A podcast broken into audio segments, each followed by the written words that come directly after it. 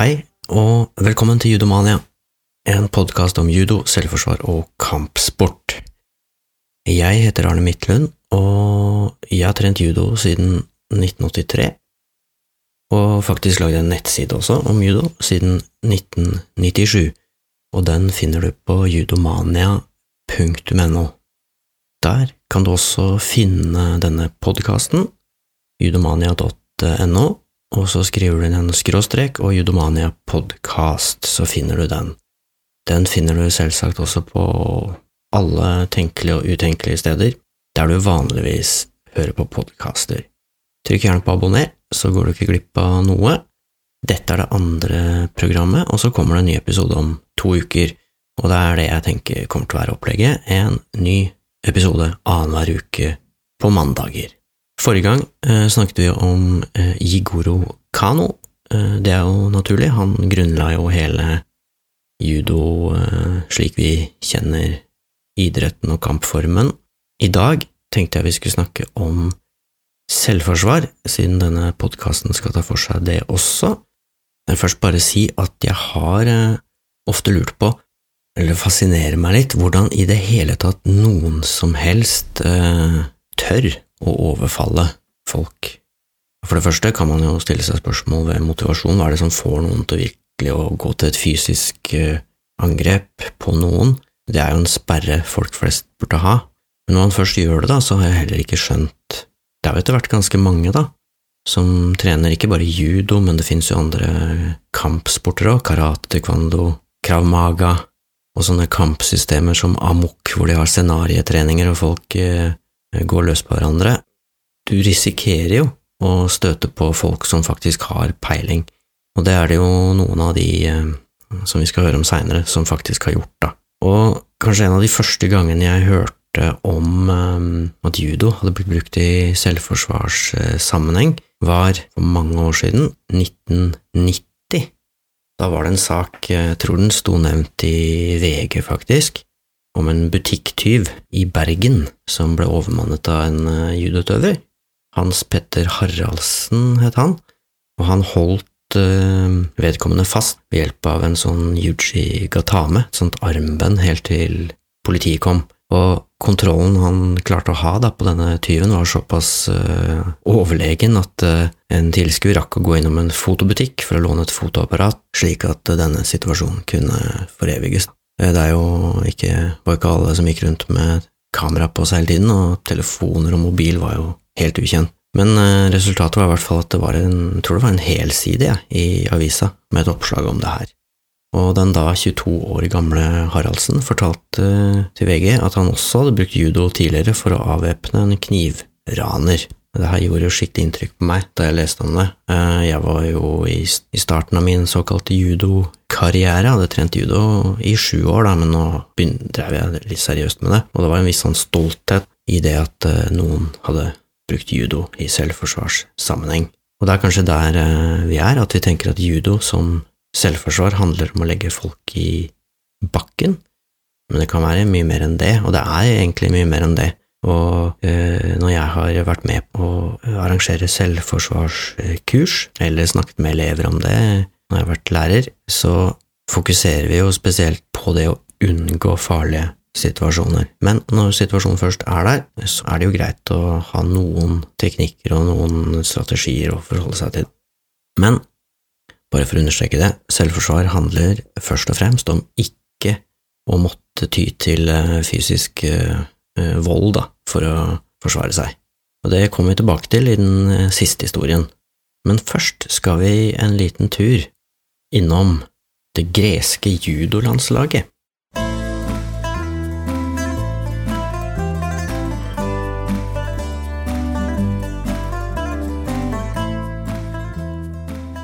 Dette er ikke så lenge siden, det var i, i uh, forbindelse med en landslagssamling. Og hvis du først er uh, si så dum at du skal begå et uh, innbrudd, så kan det jo faktisk være lurt da, å undersøke hvem som er i lokalet du bryter deg inn i, og gjerne på forhånd.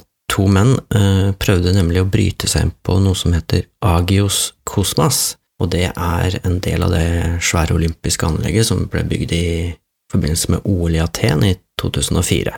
De to mennene hadde vel planlagt å stjele litt eh, sportsutstyr, jeg vet ikke hva man stjeler i sånne olympiske anlegg. Dessverre for dem så befant faktisk hele det greske judolandslaget seg i eh, bygningen. Jeg tror de må ha vært på en treningssamling, for de lå og sov. Og det tok ikke lang tid før begge tyvene var pågrepet av utøverne, og de ble holdt i, i, i sjakkmatt, kan vi si, da, helt til politiet kom for å overta saken. Så en liten lærepenge der. Sjekk forholdene hvis du har planer om å ta med deg noe som ikke er ditt. En annen eh, tilsvarende historie om en eliteutøver som har brukt judo i selvforsvarssammenheng, har vi fra USA, og her er en liten fortelling om en amerikansk landslagsutøver i judo.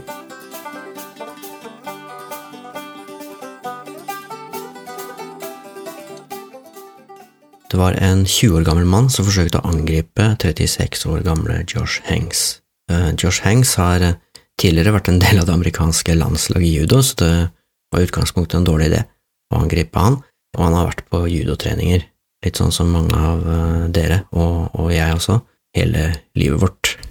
Han uh, konkurrerer som sagt ikke lenger, men det var jo ganske enkelt for han å rett og slett kaste denne overfallsmannen i bakken og holde han fast. Og da brukte han rett og slett airpodsene sine og den Siri-funksjonen til å ringe politiet, og fordi kontrollteknikkene i judo er jo ganske balanserte på en måte, så løste det hele seg, da, uten at det ble noen særlig skader på noen av de involverte.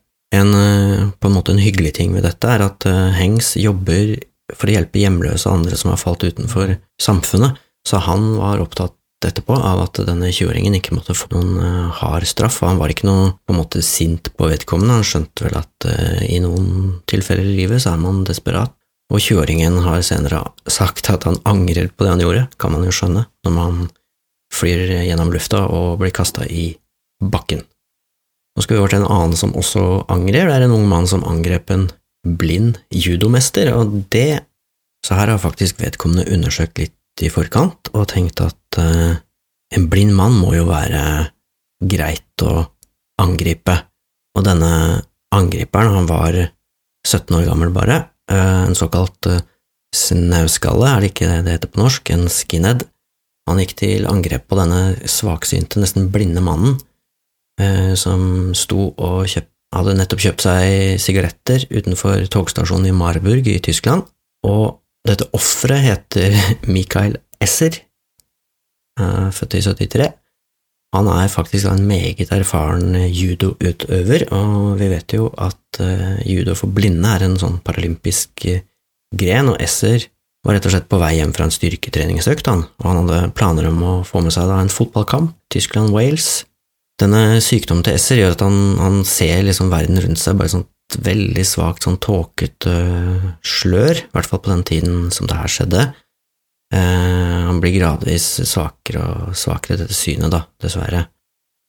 Esser er på vei over en tom parkeringsplass og går mot en heis som skal føre han til en gangbro over jernbanesporene. Eh, disse gangbroene kan dere jo se på nettsida hvis dere går inn på denne saken, som jeg også har skrevet om der. Eh, det står en link i disse, denne infoen til podkasten. Han går forsiktig, da, og prøver å liksom se etter hindringer med tærne og stirrer på bakken foran seg. Esser kommer fram til heisen og bruker eh, hendene, da, fingrene, og søker seg fram til heisknappen, og det er omtrent da han hører eh, skritt bak seg. En ung mann skyver seg selv inn i heisen og sier gi meg sigarettene, og Esser eh, nekter. Og den, eh, denne angriperen da står rett foran han, og Esser kan se Han kan bare se nesa hans, faktisk, fordi er så eh, han er, han, han er svaksynt, men det sier også noe om hvor nærme han sto, da. Overfallsmannen skyver ham tilbake og truer videre, gi meg sigarettene, ellers så slår jeg deg Jeg tror han sier, ellers så slår jeg deg i ansiktet. Esser, da, som i 1995 ble verdensmester i judo i sin vektklasse, han har vært i finale i EM fire ganger, han har vært tysk mester i judo ti ganger og har tredje dan i judo. Han vet at judo skal kun brukes i nødstilfeller utenfor dojoen, dojon, så han prøver som han skal gjøre, han prøver å gå vekk, han tar et skritt framover, men han blir hindra, av den andre, som nå tar tak i Essers eh, jakke. Esser klarer å rive seg løs og gå ut av heisen og imot en trapp, men overfallsmannen følger etter, da. Esser snur seg for å, for å snakke til han som følger etter, men da blir han truffet av et slag i ansiktet, og det slaget er så kraftig at uh, Esser begynner å blø, neseblod, og da, da tror jeg det tilter litt, da har han fått nok, så han uh, kaster seg framover, tar tak i genseren og altså genseren til angriperen, trekker han han mot seg, og så tar han tak i høyrearmen og slenger eh, angriperen over skulderen, da, i en slags eh, sionage-variant, skulderkast. Denne raneren flyr over skulderen og smeller ned i asfalten, og vi vet jo alle som har trent judo, hvor hardt det kan være hvis man faller rett på ryggen, og i tillegg i asfalten, så det her var nok eh, ganske heftig opplevelse, og angriperen stønner og gisper etter luft, eh, sier Esser i ettertid, da. Esser kaster seg ned der han intuitivt skjønner at motstanderen må ha landa, og legger vekten sin oppå brystet og holder ham fast ved hjelp av en sånn kontrollteknikk som eh, en kesa gatame. Da roper jo den fremmede på hjelp, og, altså angriperen, da, og Ester mener at det er et par kompiser der også som prøver å liksom rope til Ester og si han skal slippe, og det kommer noen forbipasserende og sier at de slipp, slipp og sånn, men Ester prøver å forklare det at det er han som ble angrepet, og at han er blind, og han slipper ikke tak i motstanderen da, før eh, politiet kommer. Det kommer jo ambulanser dit også, det er litt sånn drama her, men eh, Ester har ikke lyst til å være med, han vil heller hjem og få med seg slutten av denne fotballkampen. Han uttalte til presset, da, som også kom, at eh, jeg er riktignok blind, men jeg er ganske sprek, og håper at han tenker seg om et par ganger før han prøver seg på noen andre. Politiet i Marburg eh, sa i ettertid at den blinde judomannen brukte noen ekspertgrep for å slenge raneren i bakken mens han ropte til hjelp. En forbipasserende ringte politiet. Så her gikk det jo eh, også rimelig greit for begge parter. Forhåpentligvis fikk ingen noen varige men av dette her, denne fotballkampen mellom Tyskland og Wales, den eh, prøvde jeg å finne noe informasjon om, og den endte da heldigvis Weisser, siden han var tysk, med seier til Tyskland 2-0, og begge målene ble skåret av Tysklands eh, kaptein Miroslav Klause.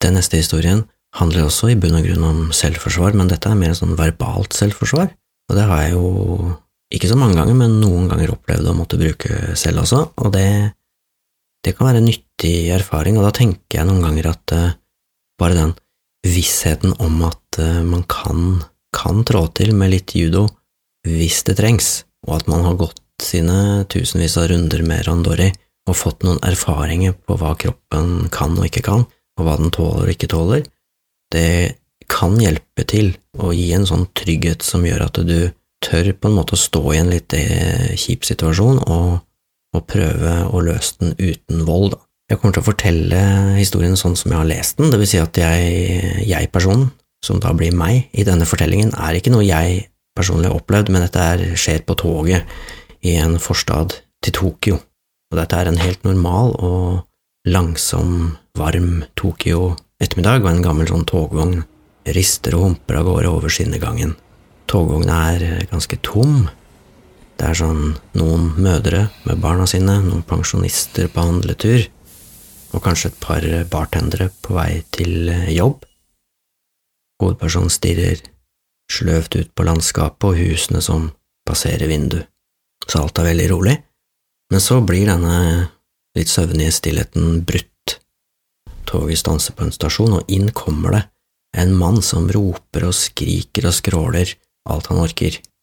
Og det er ikke bare sånne hyggelige ord som eh, ropes, det er ganske mye kjipt, og dette er også sånn gjenkjennbart, vil jeg tro, for flere av dere. Eh, jeg har i hvert fall opplevd flere ganger på busser her i Oslo, eh, folk som kommer inn og er ganske utadvendte og roper og hoier og skriker, og det kan føles ganske ubehagelig. Denne mannen i denne historien er stor og møkket og veldig, veldig full. Skjorta skjorta er grisete, og det er oppkast og blod, og håret er møkkete, og, og uh, han som kommer inn på toget, han henvender seg selvfølgelig til den første og beste personen han ser, og her i dette tilfellet er det en uh, dame med en liten baby på fanget, og han veiver med armene, og den uh, hånda sneier skulderen hennes, sånn at hun detter over fanget til et ektepar som sitter ved siden av. Og da skjer det som ofte skjer i sånne tilfeller, at det gamle ekteparet for eksempel flytter seg bakover i vognen, folk ser litt ned, ja, folk prøver å unnvike og unngå blikket og møte blikket, da, men denne fyren han sparker og slår litt rundt seg og slår i lufta, noen ganger treffer han folk, og noen ganger bommer han.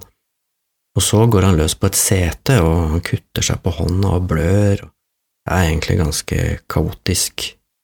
Toget i seg selv, det bare rusler rolig videre, og folk eh, venter på hva kommer til å skje nå. Da reiser eh, hovedpersonen seg, eh, han er ganske veltrent, trener mye judo, og i noen av historiene så står det at han trener to ganger om dagen, så det betyr jo at han må være en ganske seriøs utøver.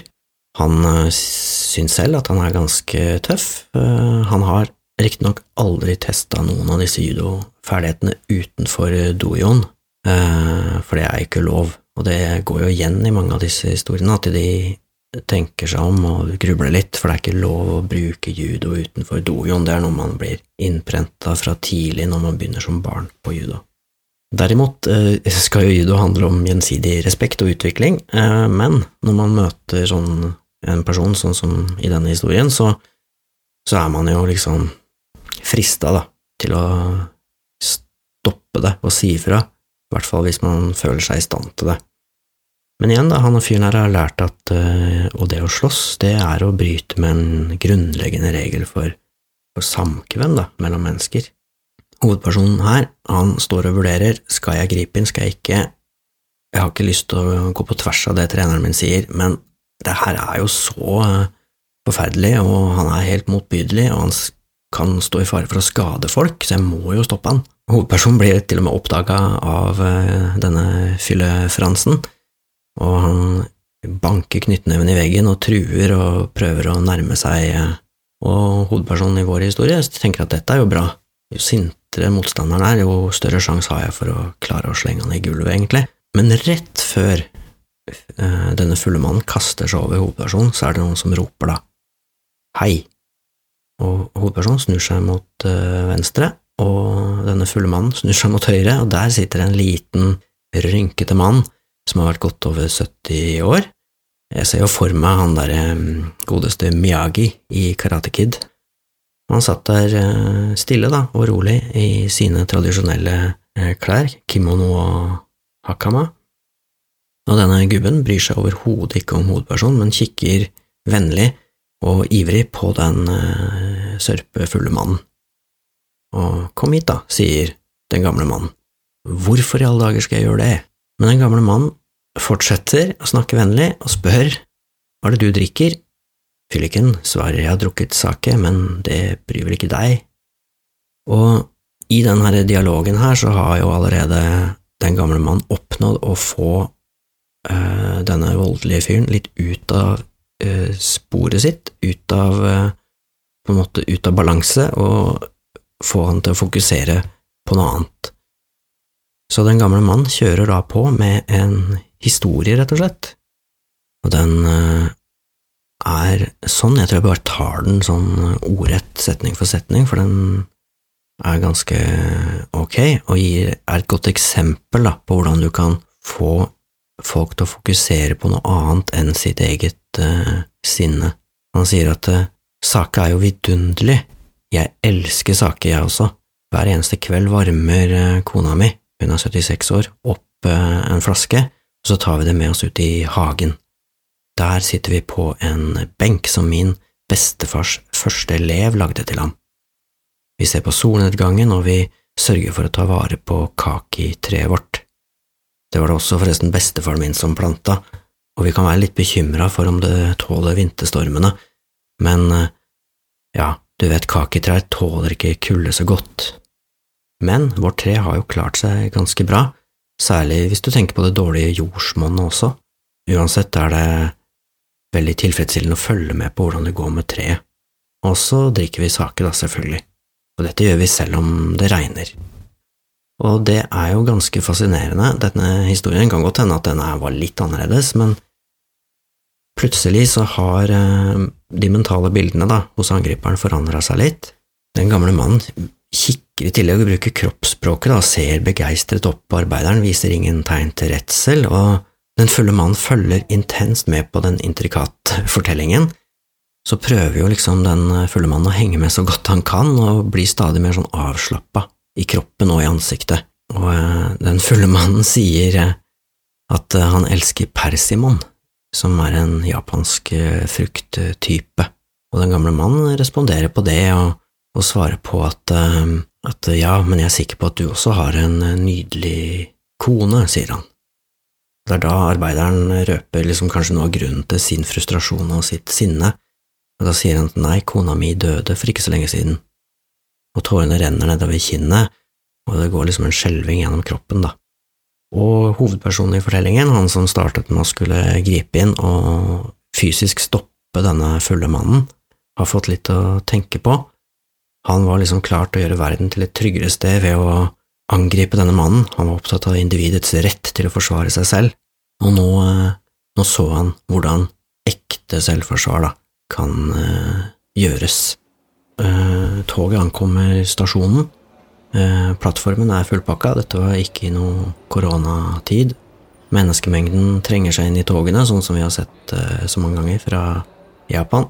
Vår hovedperson går ut av toget, og i bakgrunnen så sitter de to andre på toget fortsatt. Og den gamle mannen sier med medfølende stemme nei, nei, nei, det var trist, sett deg her og fortell meg mer om hvordan du har det.